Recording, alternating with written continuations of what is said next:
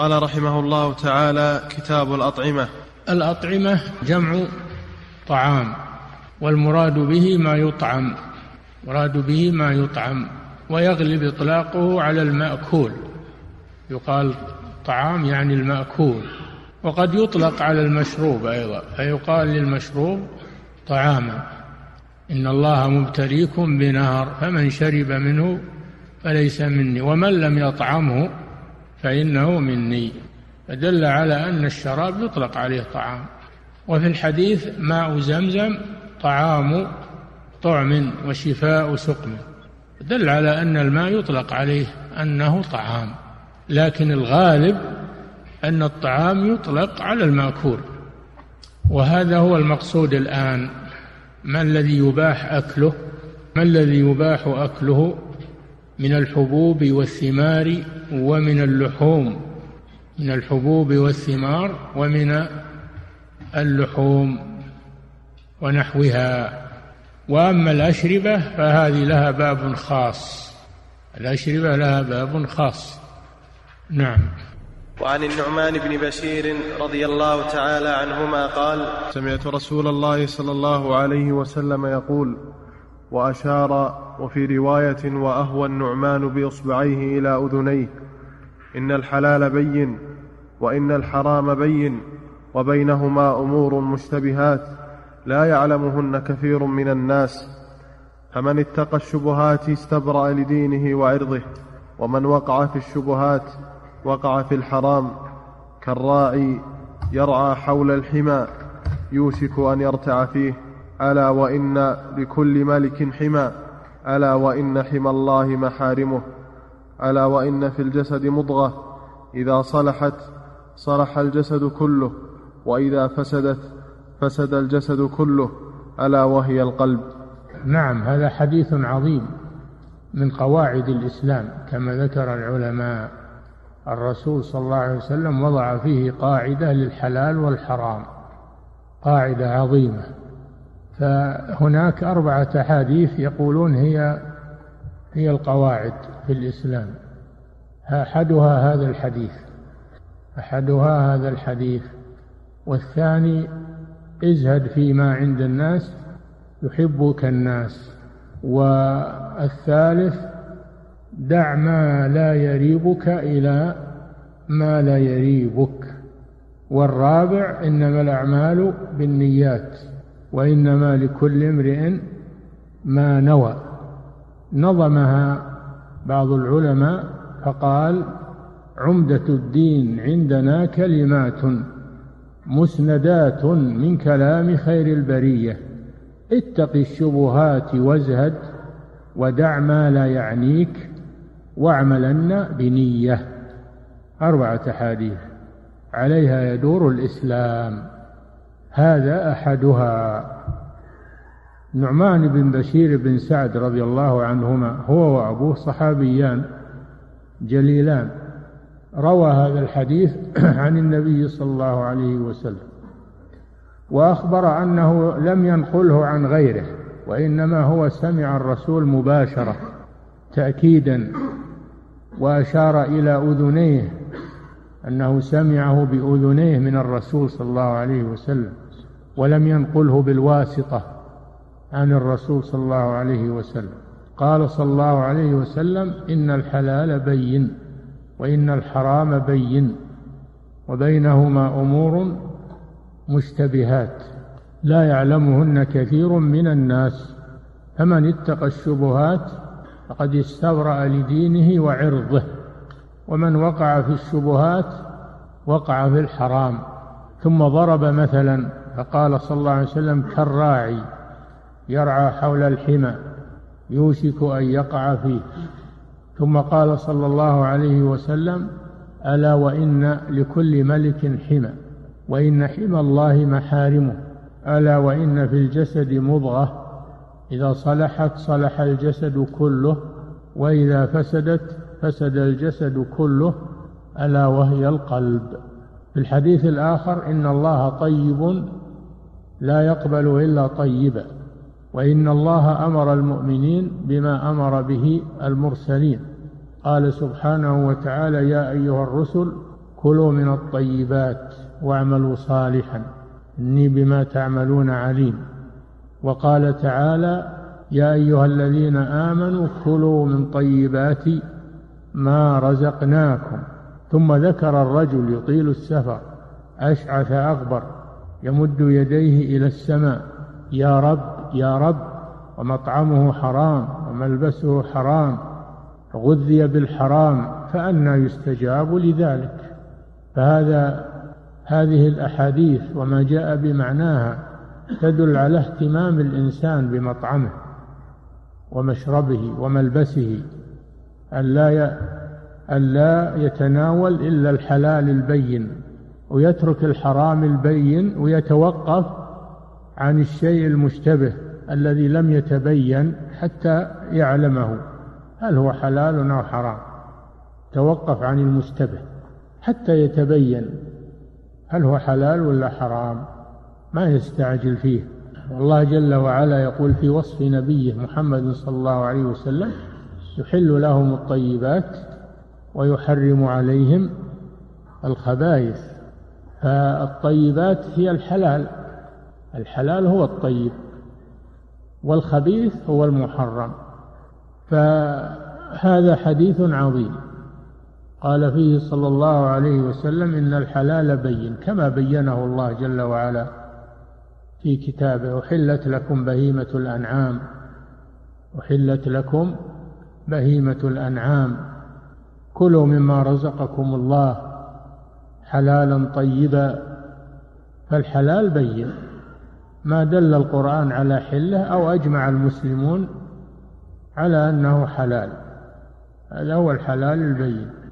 وذلك كالفواكه واللحوم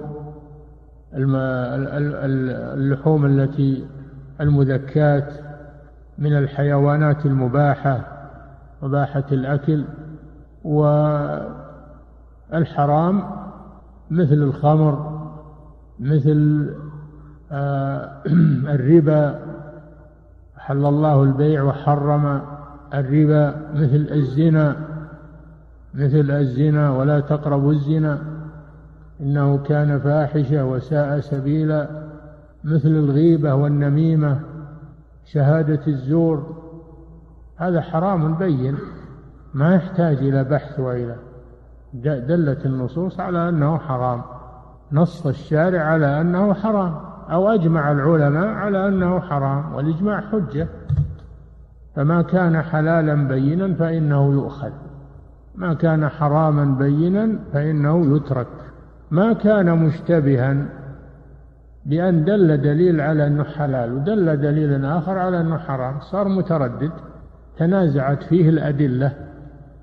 هذا كثير من الناس لا يعلم كيف يجمع بين الأدلة يتوقف. حتى من العلماء حتى من العلماء منهم من لا يعلم هل هذا حلال ولا حرام. إنما يدرك هذا الراسخون في العلم.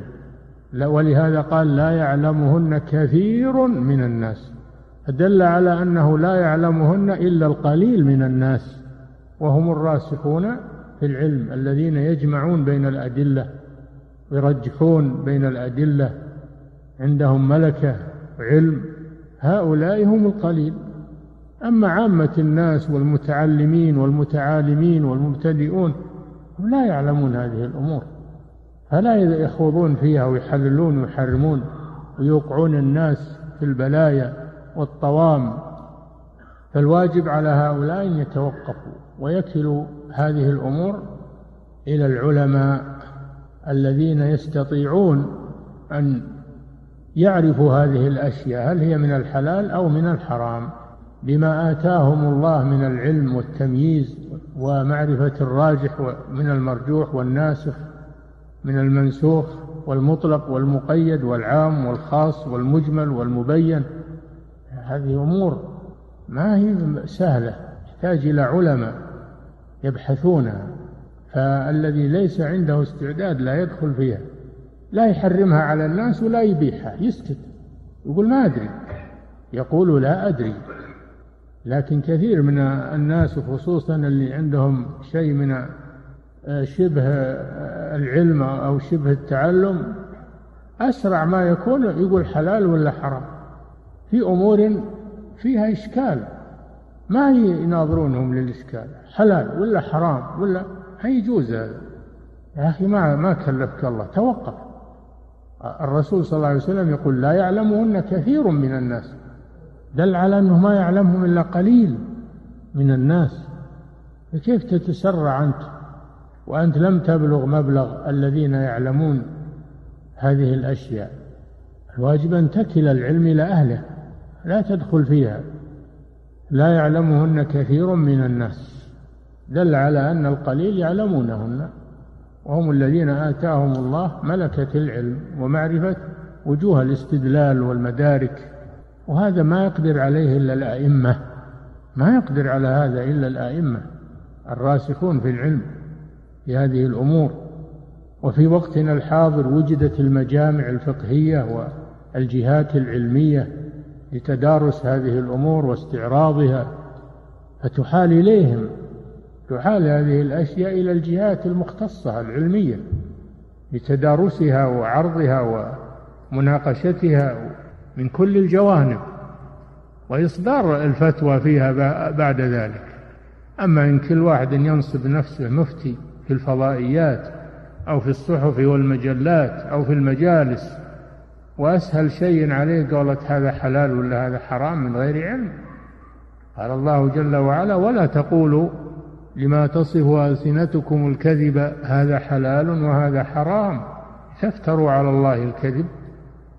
إن الذين يفترون على الله الكذب لا يفلحون. متاع قليل ولهم عذاب أليم. مسألة الخوض في الحلال والحرام من غير علم فيها خطر عظيم. على البشرية لا على الإنسان نفسه فقط بل على البشرية لأنه يوقع الناس في الخطأ ويقتدون به. وأغلب الناس ما يناظرون للي يقول هذا حرام يناظرون للي يقول هذا حلال يركضون وراه.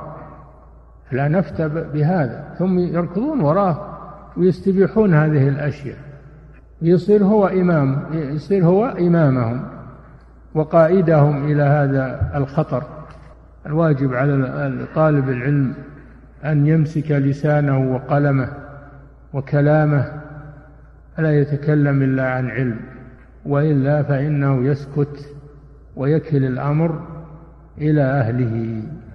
هذا هو المطلوب. ولا يستخفه لا يستخفه الذين يريدون أن يوقعوه ويتخذونه بوابة من الشركات أو أصحاب المساهمات أو أصحاب البنوك. يتخذونه بوابة. يخدعون به الناس يقولون هذا عالم وهذا هذا جامعي هذا كذا ويفتي. يتخذونه بوابة لأغراضهم. هو الذي أوقع نفسه من حيث لا يشعر وأوقع الناس. فالواجب على طالب العلم أن يحترم نفسه وأن يبتعد عن هذه الأمور التي ليست من اختصاصه. لا يدخل فيها ولا يفتي فيها ويكلها إلى الجهات المختصة. كان عمر رضي الله عنه عمر بن الخطاب خليفة الثاني المحدث كما أخبر النبي صلى الله عليه وسلم كان إذا أشكل عليه الأمر جمع. المهاجرين والأنصار واستشارهم فيه. ما يجيب واحد ولا اثنين يجمع المهاجرين والأنصار في المدينة يستشيرهم فيه ويعرض القضية عليهم ويتداولونها. اليوم فيه ما يشبه هذا ولله الحمد فيه المجامع وفيه آه، اللجان العلمية وفيه هيئة كبار العلماء. فيه جهات تجتمع لهذه الأمور ويدرسونها. فلا يدخل فيها الأفراد وأنصاف المتعلمين والمتسرعون لا يدخلون فيها. يقولون حنا نبين للناس. تبين للناس وأنت ما تبين لك الشيء تبين للناس وأنت ما تبين لك هذا الشيء. ما يجوز لك هذا.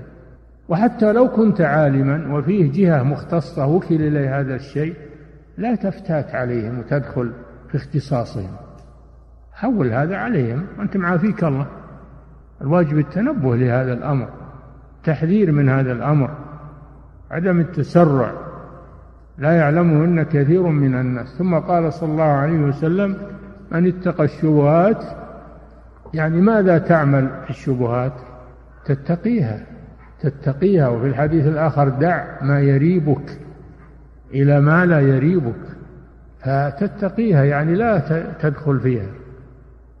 من اتقى الشبهات فقد استبرأ لدينه استبرأ لدينه.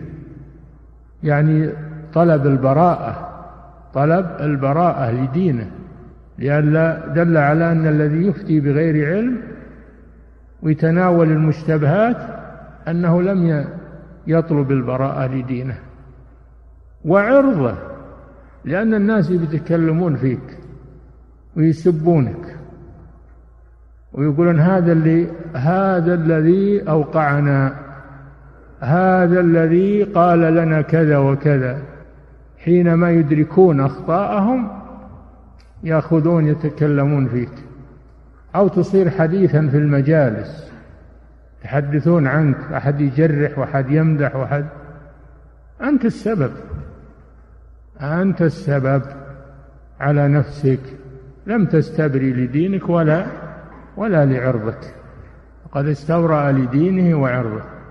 ومن وقع في الشبهات يعني أخذها وهي لا تزال مشتبهة لم يتبين فيها وقع في الحرام. لأن هذه وسيلة إلى الوقوع في الحرام. من تساهل بالمشتبهات تساهل في الحرام. والدين جاء بسد الذرائع كما تعلمون. فالإنسان لا يتساهل في المشتبهات. لأنه إذا تساهل في المشتبهات تساهل في المحرمات. لأنه عود نفسه على الجرأة وعلى وأن وقع في الشبهات وقع في الحرام لأنه اتخذ الوسيلة. كالراعي يرعى حول الحمى هذا مثل ضربه النبي صلى الله عليه وسلم. مثل محسوس. الحمى الممنوع المراد بالحمى المرعى الذي منع ولي الأمر الرعي فيه لأجل أن يكون مرعا لإبل الصدقة وإبل بيت المال كما حمى عمر وحمى لإبل الصدقة والرسول صلى الله عليه وسلم حمى لأجل إبل الصدقة وبيت المال. أما الإنسان الفرد والعادي لا يجوز له أن يحمي الحمى لله ولرسوله. ما يجوز للإنسان أنه يمنع الناس من المراعي ومن الموارد يسيطر عليها. هذا خاص بولي الأمر لمصلحة المسلمين. كانوا يتخذون الحمى لأجل دواب بيت المال لأنها لأن بيت دواب بيت المال لمصلحة المسلمين كلهم. فإذا جاء إنسان ورعى عند الحمى عند الحمى البهائم تتفلت والحمى فيه فيه عشب وفيه تتفلت غصبا عليه تروح ترعى من العشب.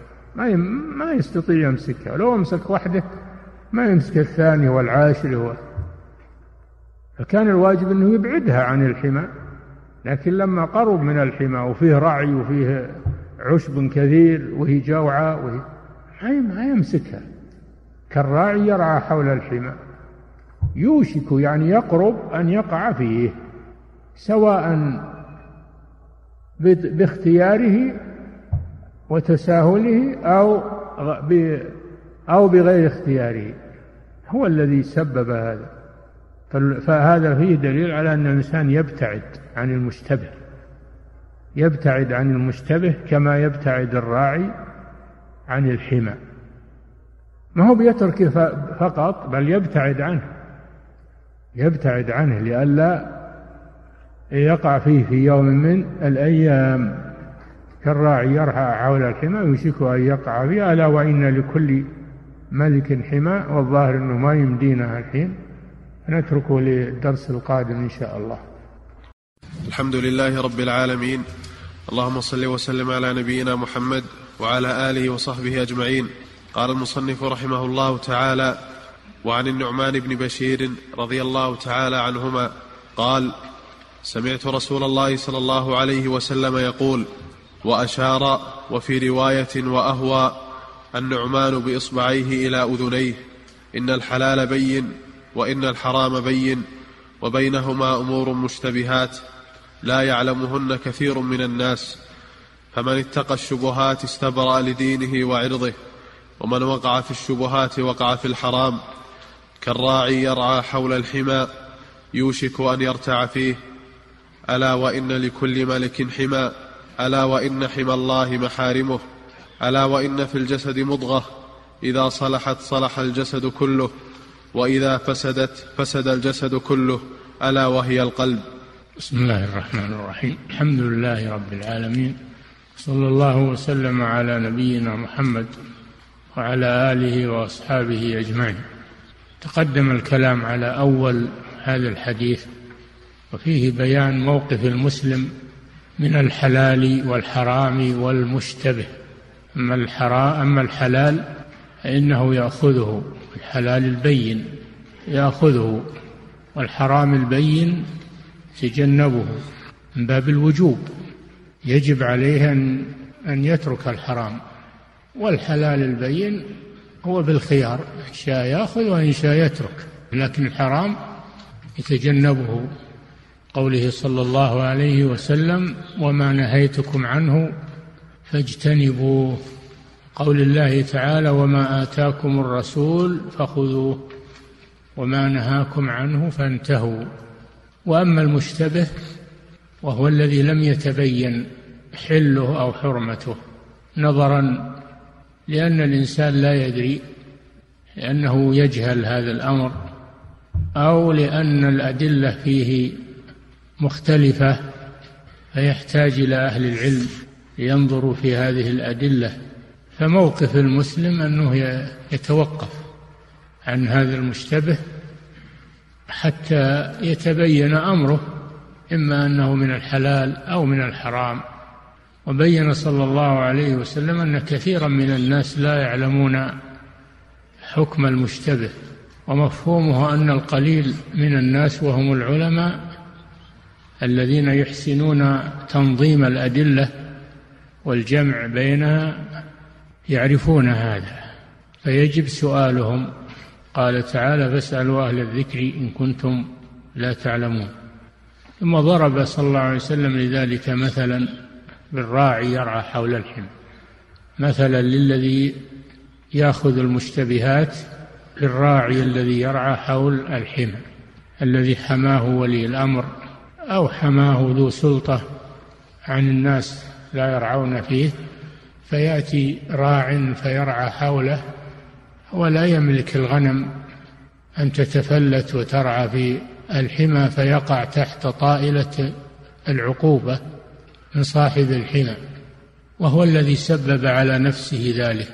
لو ابتعد عن الحمى لسلم. هذا مثال. محسوس ضربه النبي صلى الله عليه وسلم. حمى الله محارمه فالإنسان لا يقع حول حمى الله خشية أن يقع فيه. ولهذا قال الله جل وعلا تلك حدود الله فلا تقربوها. حدود الله يعني محارم محارم الله فلا تقربوها. لم يقل لا تأتوها. بل قال لا تقربوها. هذا أبلغ في النهي لأن قرب منها وسيلة إلى الدخول فيها. والشرع جاء بسد الوسائل التي تفضي إلى ما لا يجوز. حمى الله الذي حماه وحرمه محارمه التي حرمها على الناس لمصالحهم. ولم يحرم شيئا من أجل تعذيبهم أو التضييق عليهم وإنما حرم أشياء تضرهم فمنعهم منها رحمة بهم لأنهم لو أتوها لضرتهم. من رحمة الله بهم أنه حرمها عليهم فالمسلم يبتعد عن محارم الله. باتخاذ الوسائل الواقية.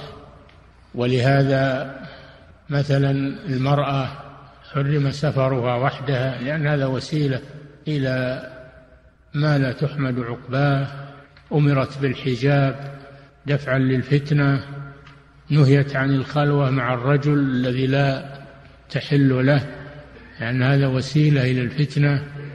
الاختلاط منعت منه لأن هذا وسيلة فهذا من باب الحماية للمحارم. كل هذه الأمور باب الحماية للمحارم. فالحماية مطلوبة والابتعاد عنها مطلوب فلا يحوم الإنسان حولها. خشية أن يقع فيها ولا يزكي نفسه ويقول أنا عالم وأنا أدري وأعرف. لا يزكي نفسه. إن النفس لأمارة بالسوء. إلا ما رحم ربي. ثم آه، إن النبي صلى الله عليه وسلم بين أن في الجسد مضغة. إذا صلحت هذه المضغة وهي القطعة من اللحم صلح الجسد كله. وإذا فسدت فسد الجسد كله. ما هي؟ قال هي ألا وهي القلب. ألا وهي القلب. ما المناسبة في مجيء ذكر القلب في آخر هذا الحديث؟ لا والله أعلم لأن الحرام يؤثر على القلب. إذا أكل الحرام أو تغذى به أو واقع الشبهات فإن هذا يؤثر على قلبه فيفسد قلبه وبالتالي يفسد بدنه كله. ما معنى الفساد هنا؟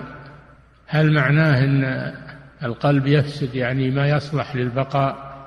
يعتل يحتاج إلى عملية أو يموت صاحبه لا ما هو هذا هو القصد. هذا يسمى المرض العضوي. لكن المرض المعنوي أشد وهو أن القلب يتأثر ويقسو ويعمى ويختم عليه بسبب الذنوب. سبب الذنوب. كلا بل ران على قلوبهم ما كانوا يكسبون. فالمسلم يحمي قلبه من تعاطي المحرمات لأنها تفسد قلبه. وإذا فسد قلبه فسد بدنه فصار يمشي للحرام ويأخذ الحرام وينظر إلى الحرام تكلم بالحرام أعضاء تابعه للقلب إذا فسد القلب فسدت الأعضاء وانطلقت في الحرام. فالملك فالقلب هو ملك البدن. وإذا فسد الملأ الملك فسدت الرعية. وإذا صلح الملك الملك صلحت الرعية. فالقلب هو ملك الأعضاء. ولهذا جاء في الحديث إنه ما من يوم يطلع صباحه إلا والأعضاء تكفر القلب تكفره يعني تعظه وتذكره فتقول اتق الله إنما نحن بك فإن استقمت استقمنا وإن اعوججت اعوججنا فالإنسان يعتني بقلبه فيترك المحرمات القولية والفعلية والمطاعم والمشارب المحرمة. لأنها تفسد عليه قلبه وبالتالي يفسد بدنه تبعا للقلب. ولهذا قال تعالى يا أيها الرسل كلوا من الطيبات واعملوا صالحا. قال النبي صلى الله عليه وسلم إن الله أمر المؤمنين بما أمر به المرسلين. فقال يا أيها الرسل كلوا من الطيبات واعملوا صالحا. وقال يا أيها الذين آمنوا كلوا من طيبات ما رزقناكم. فالطيبات تؤثر على القلب صلاحا واستقامة وتغذيه تغذية طيبة والمباحات. والمحرمات تغذيه تغذية خبيثة. المحرمات تغذي القلب تغذية خبيثة. والمباحات والطيبات تغذي القلب تغذية طيبة. فعلى المسلم أن يتذكر هذا. ولا تخدعه المطامع وأنك ستثري بيومين وتصير صاحب ثروة وهذه مكاسب عظيمة لا تفوتك. عليه أنه يفكر في هذه المكاسب وهذه التصرفات. هل هي شرعية ولا غير شرعية؟ إن كانت شرعية فلا مانع أما إن كانت غير شرعية أو ما يدري عنها فهو يتركها. ولا يحمله الطمع على المغامرة في الكسب دون أن يعرف هل هو من الحلال أو من الحرام أو من المشتبه. الإنسان في عافية فلا يقحم نفسه في شيء لا يستطيع التخلص منه في المستقبل. نعم. صلى الله إليكم سماحة الوالد. يقول السائل قال بعض أهل العلم في شرح حديث النعمان رضي الله تعالى عنه قال أن هذا الاشتباه راجع إلى أمور منها تعارض الأدلة بحيث لا يظهر الجمع ولا الترجيح بينها. هذا اللي ذكرنا. نعم. يقول أحسن الله إليكم والسؤال هل قوله تعارض الأدلة صحيح أم أن التعارض في الظاهر يعني تعارضها في الظاهر فيما يظهر لك. هي ما هي متعارضة في الواقع لكن يظهر لك أنها متعارضة وهذا لا يعلم أنها غير متعارضة إلا العلماء هم اللي يعرفون. نعم. أما الجاهل عنده أنها متعارضة نعم. أحسن الله إليكم سماحة الوالد. يقول السائل هل يدخل في الأمور المشتبهات التي ذكرت في حديث النعمان رضي الله تعالى عنه الأسهم في وقتنا الحاضر؟ بلا شك هذا أقل أحوالها أنها من المشتبهات. وإن كان يظهر منها أنها ما هي من المشتبهات لأن فيها ربا فيها غرر فيها جهالة وفيها قمار. نعم. صلى الله إليكم سماحة الوالد يقول السائل قال بعض أهل العلم في شرح حديث النعمان عند قوله لا يعلمهن كثير من الناس أي أن كثيرا من الناس يعلمه وكثيرا من الناس لا يعلمه لأنه قال كثير ولم يقل أكثر كما في قوله تعالى وكثير من الناس وكثير حق عليه العذاب فما رأيكم في هذا؟ الكثير يقابله القليل يا أخي الكثير يقابله القليل. دل على أن الذين يعلمونه قليل مقابل الكثير. نعم. أحسن الله إليكم سماحة الوالد. يقول السائل مع ظهور الأسهم ظهر أناس يحللون وآخرون يحرمون وأصبح الناس لا يدرون من يتبعون وقد يدخل بعض الناس في شركات ربوية بحجة من حللها. فما هو موقف المسلم في هذه الأحوال؟ موقف المسلم يتجنبها اتقاء الشبهات. قد استبرأ لدينه وعرضه. نعم.